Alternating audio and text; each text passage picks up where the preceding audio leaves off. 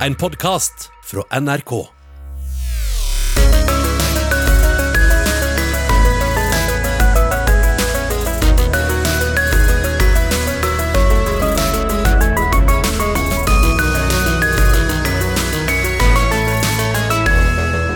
Hun ene gikk av som partileder etter lang intern strid, og gikk rett i koronaisolasjon. Hun andre ble kasta inn til kongens bord like før landets skoler stengte ned. Trine Skei Grande og Guri Melby er dagens gjester i To i campingstol.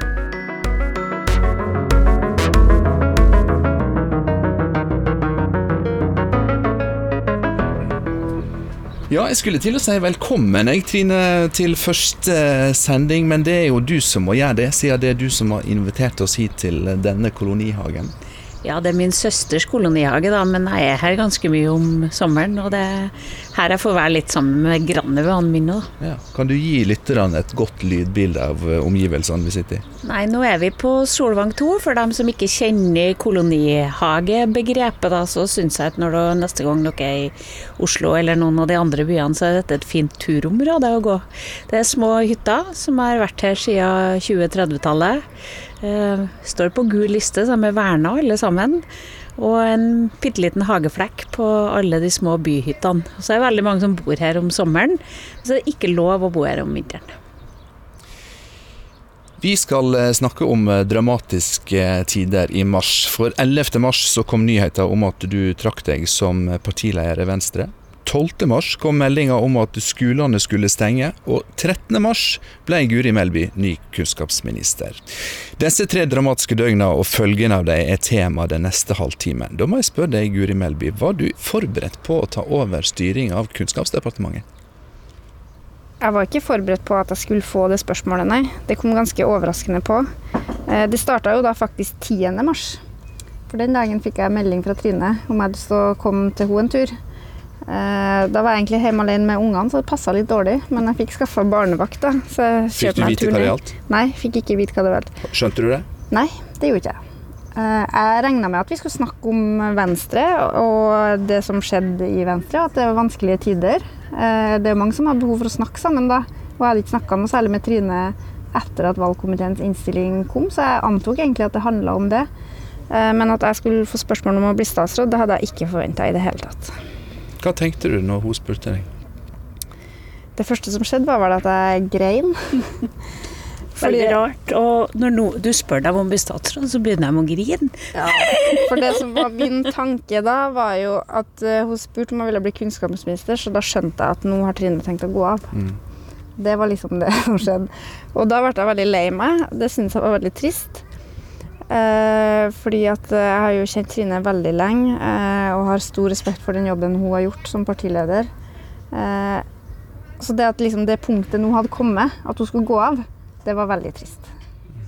Ja, For vanligvis så blir en jo glad for å få sånne spørsmål. ja, Men du visste at dette også innebar ei, et veldig trist sorti for en partileder som du har stått nær? Mm, det var akkurat det. Og så visste jeg også at Trine, kanskje i likhet med meg, tenkte at det å være kunnskapsminister det er jo noe av det kuleste du kan få gjøre. Så det at hun måtte gi fra seg det litt for tidlig, det tenkte jeg også på var litt vemodig. Men det er klart at uh, det var jo ikke sånn at jeg var bare lei meg. Det er jo en utrolig ære å få en sånn forespørsel. Uh, sånn at jeg var vel ganske rask på å svare ja, tror jeg. Det var jeg. Du ble spurt onsdag. Tirsdag kveld. Tirsdag. Mm. Trine meldte sin avgang på eh, onsdag. Torsdag erklærte Erna Solberg full nedstenging av Norge, og fredag sto du på Slottsplassen eh, mens skoleungene var på vei hjem for siste gang på hvem visste hvor lenge. Hva tenker en lærerutdanna, nyslått kunnskapsminister om å overta jobben i ei sånn krise? Det var veldig rart. Eh, som du sier, altså, det var utrolig mye som forandra seg de dagene der. Hvis du tenker litt tilbake, sånn som søndag 8. mars så var det jo fullt 8. mars-tog i Oslo sentrum. Eh, og fortsatt den uka der så var det litt sånn Vi snakka litt sånn om Ja, sånn skulle vi ha landsstyremøte? Nei, kanskje vi ikke kan det? Jo, vi kan vel ha det. Alt var Det var liksom Vi skjønte ikke helt hvor vi var hen, tror jeg. Så det skjedde noe veldig sånn sterk utvikling. Eh, jeg husker at jeg skjønte alvoret veldig den torsdag formiddag, for da var jeg på besøk hos Erna Solberg da, på statsministerens kontor og fikk det offisielle spørsmålet fra henne.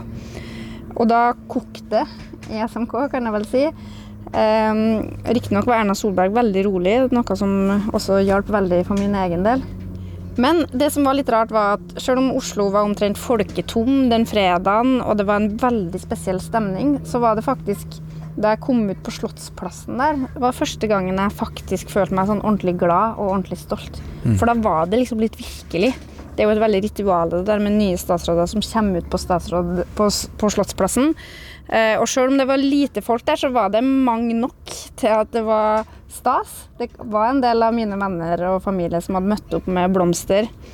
Eh, selv om det ble fraråda store forsamlinger, da, så var det vel en ti-tolv stykker som sto der. Og akkurat da, da kjente jeg at det her var, det her var noe jeg var stolt over. Trine, vanligvis så går jo en partileder av til eh, forhåpentligvis stående applaus på eh, landsmøtet etter lang og tru tjeneste, eller i det aller minste til eh, varme skulderklapp i et landsstyremøte hvis en må gå litt brått. Du kunne ikke gjøre noen av delene. Hvordan gjorde du det? Nei, jeg bestemte meg den fredagskvelden, eller jeg bestemte at jeg skulle sove på det, og våkna på lørdag morgen og mente det samme som da jeg la meg på fredagskveld. Da, og da satte jeg meg ned og skrev landsstyretalen, for jeg trodde nok at vi skulle ha et landsstyremøte. Jeg trodde nok at det var mulig å gjennomføre ut fra det vi visste den helga før, da.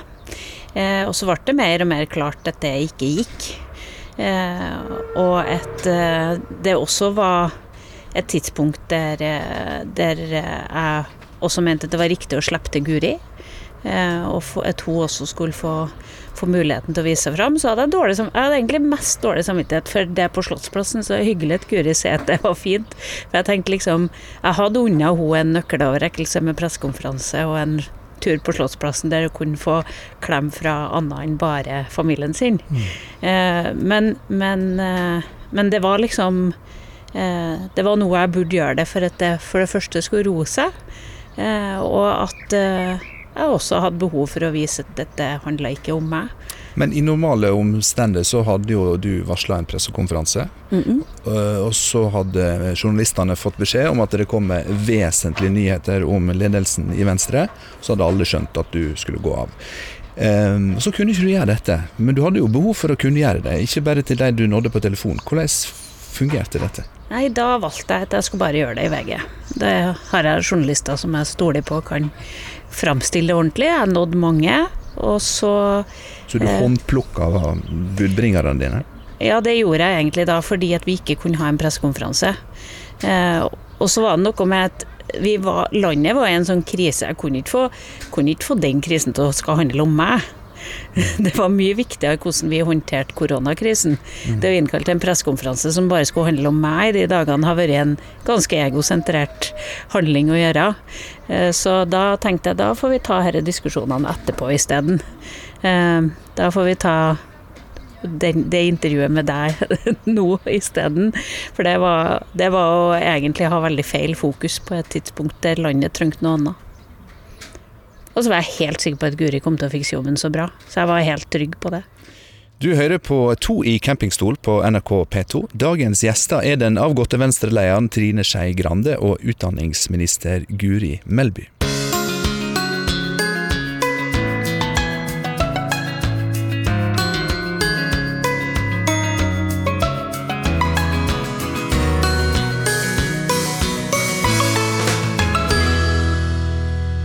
Guri, eh, du skjønte jo når du ble spurt om å bli kunnskapsminister, at dette også kunne bane veien for deg som ny leder i Venstre. Var dette med i vurderinga da du takka ja? Nei, det var det vel egentlig ikke. Um, du må huske på at på det tidspunktet her så var det vel eh, fire dager etter at Venstres valgkomité hadde kommet med sin innstilling. Jeg var jo egentlig ikke med i lederdiskusjonen da. Jeg var jo innstilt på en plass i sentralstyret, som jeg har sittet i ti år eller noe sånt. Eh, og hadde egentlig litt sånn, hva jeg skal si, forsona meg med det. Jeg tenkte at ja, greit, jeg skal fortsette i den rollen. Eh, og hadde vel egentlig ikke tenkt at noe annet skulle skje heller. Eh, så jeg må jo bare si at fra det tidspunktet jeg ble spurt om å da bli kunnskaps- og integreringsminister, så hadde jeg vel egentlig fullt fokus på det. Og så tenkte jeg at nå må jeg bare løse den jobben her, som er krevende nok til vanlig, og kanskje litt ekstra krevende nå. Og så får vi ta alt det her andre seinere. Og det ble jo etter hvert ganske klart at eh, det kunne det også bli ganske lang tid til. Eh, For egentlig skulle vi jo hatt landsmøte i april, og lederspørsmålet skulle blitt avgjort da. Men nå blir vi ikke før til høsten, så da tenkte jeg at det var ingen grunn til å stresse med det. Eh, Det går helt fint med partiet med Trine som styrer det fra gamlebyen, og så er vi en gjeng som sitter i regjering og en gjeng på Stortinget. Så det viktigste er faktisk at jeg greier å sørge for at vi åpner skoler og barnehager på en trygg måte. Vi skal komme tilbake til eh, ditt potensielle eh, lederkandidatur i Venstre. Vi skal eh, snakke litt mer om dramatiske avganger og dramatiske tiltredelser Trine Skei Grande. Fordi da du ble leder av Venstre, så var også deler av verden i en unntakstilstand. Fordi et stort vulkanutbrudd på Island hadde lagt et askeslør over deler av Europa og sett mange av oss askefaste. Og da bestemmer Lars Sponheim seg for at hans tid er over. Så du det komme? Visste du det? Nei. Eh, det Jeg må innrømme at den morgenen jeg våkna da og skjønte et landsmøte var jeg nærmest kunne gå fløyten pga. Eh, noen vulkaner på Island, det, det Da var vi bekymra. Det som var det veldig sjarmerende i det, var at folk kasta seg rundt. Kjørte sammen i biler, kjørte tog fra så langt nord som det er mulig å kjøre tog fra, og, og virkelig sto på for å klare å komme ned. Og det, var, det husker jeg på var veldig hjertevarmende. Men både når jeg da skal begynne og når jeg skal slutte Jeg har liksom brukt eh, livet mitt på å, å verne om den naturen, og så skal den liksom være imot meg både når jeg begynner og når jeg slutter. Men Sponheim sin avgang kom eh, like brått på deg som din avgang gjorde på Guri Melby, er det så? Ja, jeg visste ikke om det før han sto på talerstolen på valgnatta. Nei. Så ut fra at jeg kjente den ganske godt, skal jeg innrømme at jeg sendte en SMS til Odd Einar Dørum som satt på andre sida av bordet til meg, og sa nå tror jeg han går. Og det gjorde han. Så da er jo stortingslivet så ubarmhjertig at da hadde han vel to eller tre døgn på seg på å pakke ut av leiligheten han har bodd i i 20 år og kom seg ut av kontoret. og Høyrefolkene stå og var sure for at han ikke kom seg ut av kontoret i løpet av to døgn. Eh, ja, så det Sånn er nå dette livet, da. Men det er en ting jeg lurer på, fordi du tok jo Abid Raja og Sveinung Rotevatn, to potensielle lederkandidater, tok du inn i regjering. Og jeg har tolka det som dette var et forsøk på å roe gemytta og stridigheten i partiet. Og så går det jo ikke så lang tid før du da kaster inn håndkleet og trekker deg i et VG-intervju. Hva var det som skjedde i mellomtida der som gjorde at du ikke sto løp ut? Nei, jeg skal være helt ærlig at jeg hadde bestemt meg for å bruke hvert fall et år av livet mitt på å prøve å bringe dette sammen. At det ikke skulle være så harde konfrontasjoner som det det var. Eh, spesielt mellom de to. Og så hadde vi da to pressetreff den fredagen. Og det, det Når jeg reiste hjem fra det, så var jeg ikke overbevist på om dette var en jobb jeg kom til å klare. Om jeg kom til å klare å bringe dette sammen. og- Hvorfor det? Hva var det med det pressetreffet? Nei, dem, eh, jeg følte ikke helt at de var til stede i den jobben. Og jeg måtte, skulle jeg klare å jobbe et år sammen med dem og, og prøve å bringe det, dette sammen til et lag, så måtte jeg kjenne at jeg har motivasjon til å gjøre det. Eh, Og den Men Mener du at Rotevatn og Raja var ufokuserte? Eller? Nei, men de var i hvert fall ikke på den plassen jeg var de to den dagen. Jeg forklarte dem etterpå hvordan jeg syntes det var litt vanskelig. Eh, fordi at hvis du skal jobbe sammen et team, så handler det ikke om du aldri skal være Altså, det er ikke sånn at jeg, Ola Elvestuen og Terje Brevik alltid har vært enige om verken veivalg for Venstre eller, eller sånn, men du må i hvert fall føle at det er en gjeng som jobber sammen. Og det, hvis jeg skal være sånn helt ærlig og følelsesstyrt, det følte jeg ikke den fredagen. Så jeg tenkte dette, dette får noen andre prøve. Dette klarer ikke jeg. For det var interessant å lese et intervju med VG der du siterte ingen ringere enn Italias berykta leder Benito Mussolini, som visstnok skal ha sagt at det er mulig å styre Italia, men det er fullstendig meningsløst. Var det meningsløsa som tok deg? Eh, nei, men det er, litt, det er jo dette som gjør at noen av oss er glad i dette partiet, og så er det dette som gjør at du blir litt sliten av det òg. Eh, det er individualistene, det er åpenheten som gjør at folk forteller om sine innerste tanker til enhver tid. Eh, og, og de tingene som både både er slitsomme, da, men som også gjør det fascinerende og gjør at man er glad i det. Eh, men det å prøve å lede kan av og til være litt slitsomt, det kan jeg innrømme. For de, de som ikke mener at det var et eh, spekulativt eh, maktgrep å ta dem inn i regjering, mener at det var en genistrek eh, på mange vis, fordi det kunne føre til ro og orden. Men tenker du nå sjøl i ettertid at det var et feilgrep? Nei, jeg mener at en partileders jobb er å gjenspeile hvem det er som har støtte i partiet. Eh, og det var soleklart at det, de var personligheter som var i ferd med å seile opp. Og da er det min jobb.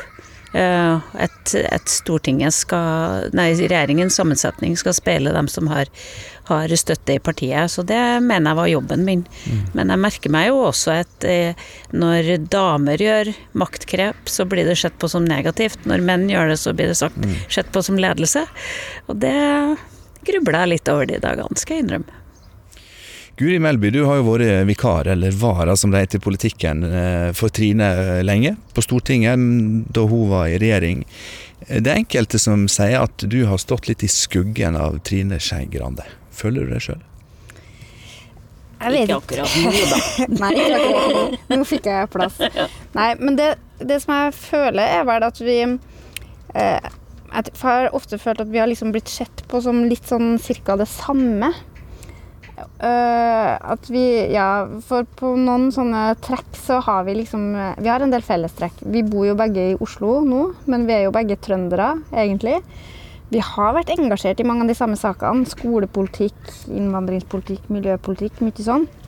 Så vi har liksom, jeg tror mange har tenkt så lenge vi har Trine i toppen, så trenger ikke vi Guri der. Da har vi liksom dekka mm. den kategorien, hvis du skjønner mm, det. Mm. For det er jo litt sånn at uh, i politikken så er det jo det teller jo åpenbart liksom kompetanse og kvalifikasjoner, men ofte så teller det også liksom Er du kvinne eller mann? Er du fra den regionen? Ja, utfyller du noen sånne karakteristikker, da? Så jeg, jeg tenkte jo hele tida Jeg husker da Venstre først gikk inn i regjering, så var det jo mange som kom til meg og sa ja, nå er jo du høyt på lista. Altså, nei. Så så lenge Trine og Ola er der, så kommer det ikke til å være noen plass til meg, sa jeg liksom til alle. Mm. Det mente jeg var ganske åpenbart. Det kunne ikke være tre fra Oslo, det ville ha vært helt feil. Eh, så så på en måte så har jeg jo det. Jeg var jo nummer tre i Oslo lenge. Uh, og Men for meg har det for så vidt ikke vært så viktig å være nummer én heller. så lenge jeg har fått lov til å gjøre meningsfulle oppgaver. Og det var veldig artig å sitte på Stortinget, syns jeg. da. Jeg har snakka med folk eh, som følger politikken tett, og som har hatt et eh, nøye øye på Venstre. og De sier at Guri Melby har alltid vært lojal mot Trine Skei Grande. Og da lurer jeg på, har det alltid vært like lett? Det har ikke vært noe vanskelig å være lojal. Men det å være lojal betyr jo heller ikke at man er helt sånn ukritisk eller alltid tenker at det som Trine gjør, er rett. Og jeg har jo flere ganger vært uenig med Trine. Eh, og jeg har vel også sagt eksplisitt at jeg mente at det som skjedde eh, forrige runde med regjering, ikke var noe jeg var enig i. Eh, men spørsmålet er jo litt hvordan du håndterer det når du er uenig eller irritert eller skuffa eller noe sånt. Om du da går til media, eller om du sier det direkte. Så jeg har vel prøvd egentlig å tenke at hvis det er noe jeg ikke liker, så sier jeg det direkte til Trine. Var du enig i den rokeringa hun gjorde med nestlederne sine? Eh, jeg var ikke enig i alt det som skjedde akkurat da, uten at jeg vil gå inn i detaljer på det. Eh, og det sa jeg til Trine òg. Du hører altså på To i campingstol på NRK P2. Dagens gjester her i Kolonihagen er den avgåtte venstrelederen Trine Skei Grande og den nokså ferske utdanningsministeren Guri Melby.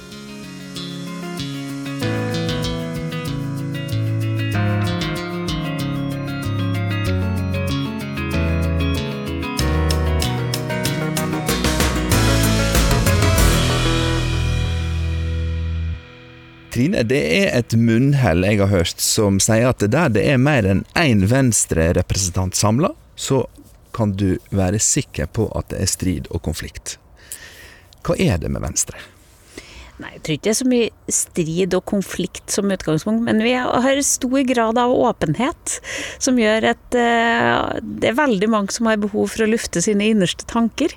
Uh, vi er et parti der det er helt logisk for noen å skrive en kronikk om hvem man vil ha inn i sentralstyret eller sentrale verv i et parti, som det jo ikke noen andre partier som har. Så vi har en åpenhetskultur, som jo er det jeg syns er sjarmerende og positivt med partiet. Ja, Og så koster det noen eh, lederverv opp igjennom, da. Ja, det, det, det, er slitsomt å lede sånne flokker, da. Det innrømmer jeg. Ja, fordi Så lenge jeg kan huske fra min tid i journalistikken, så har det alltid vært leik og baluba mellom leder og nestledere i, i Venstre. Så vi trenger ikke ja. å nevne navn eh, for de som ikke er her. men er det, er det, mennene i Venstre som er problemet? Fordi uh, Guri Melby og, og kvinnene lager jo ikke bråk.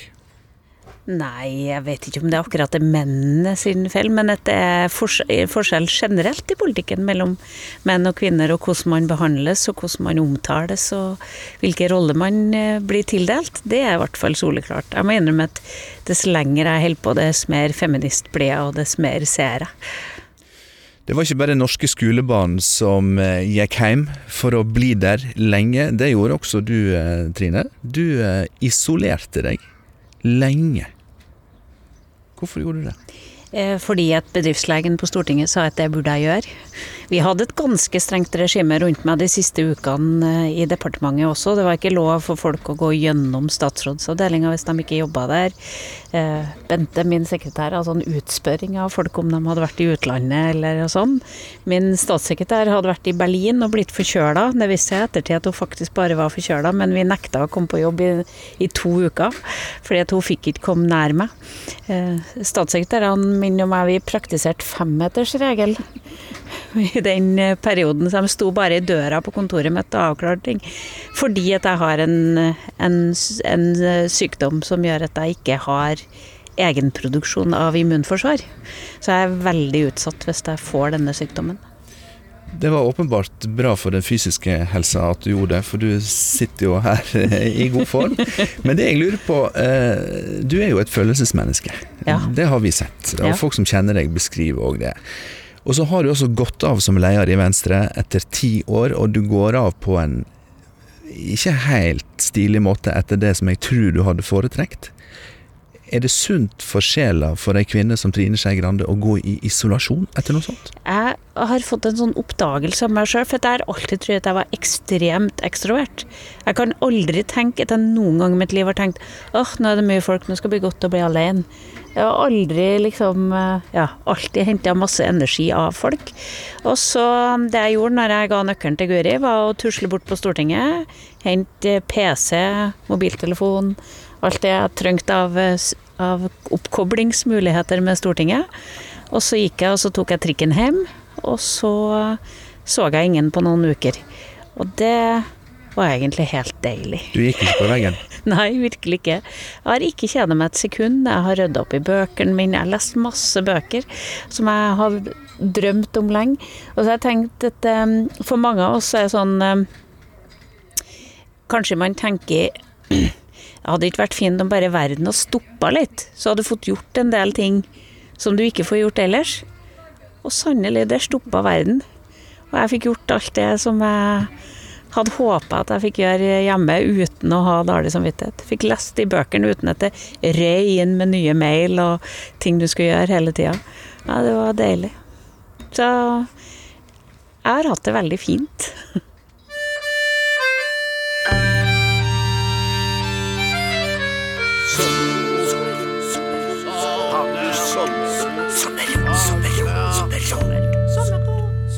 Hei, campingstolen.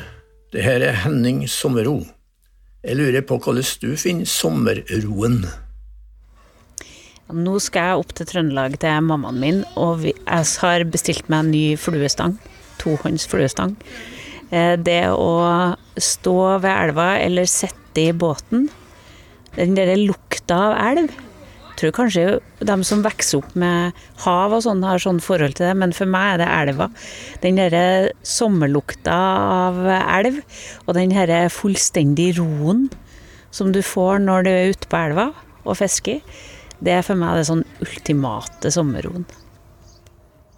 Og roen er kanskje godt for deg å finne etter ti år som leder i Venstre. Og så er jo spørsmålet da, hvem blir den nye lederen på det forsinka landsmøtet til høsten? Blir det retorikeren Sveinung Rotevatn som melder sitt kandidatur i sosiale medier i mai, eller blir det lojale og arbeidsomme Guri Melby? Vi skal spørre henne i morgen om hun vil bli ny Venstre-leder, og vi skal også spørre Trine Skei Grande hvordan er det å være kvinne i toppolitikken når vi er tilbake her fra kolonihagehytta. To i campingstol med Håkon Haugsbø er tilbake på NRK P2 til samme tid i morgen.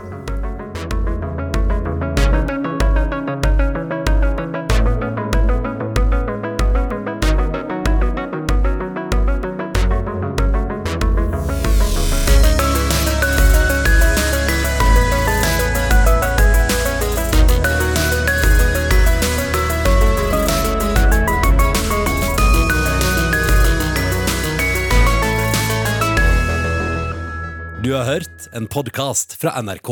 Hør flere podkaster og din favorittkanal i appen NRK Radio.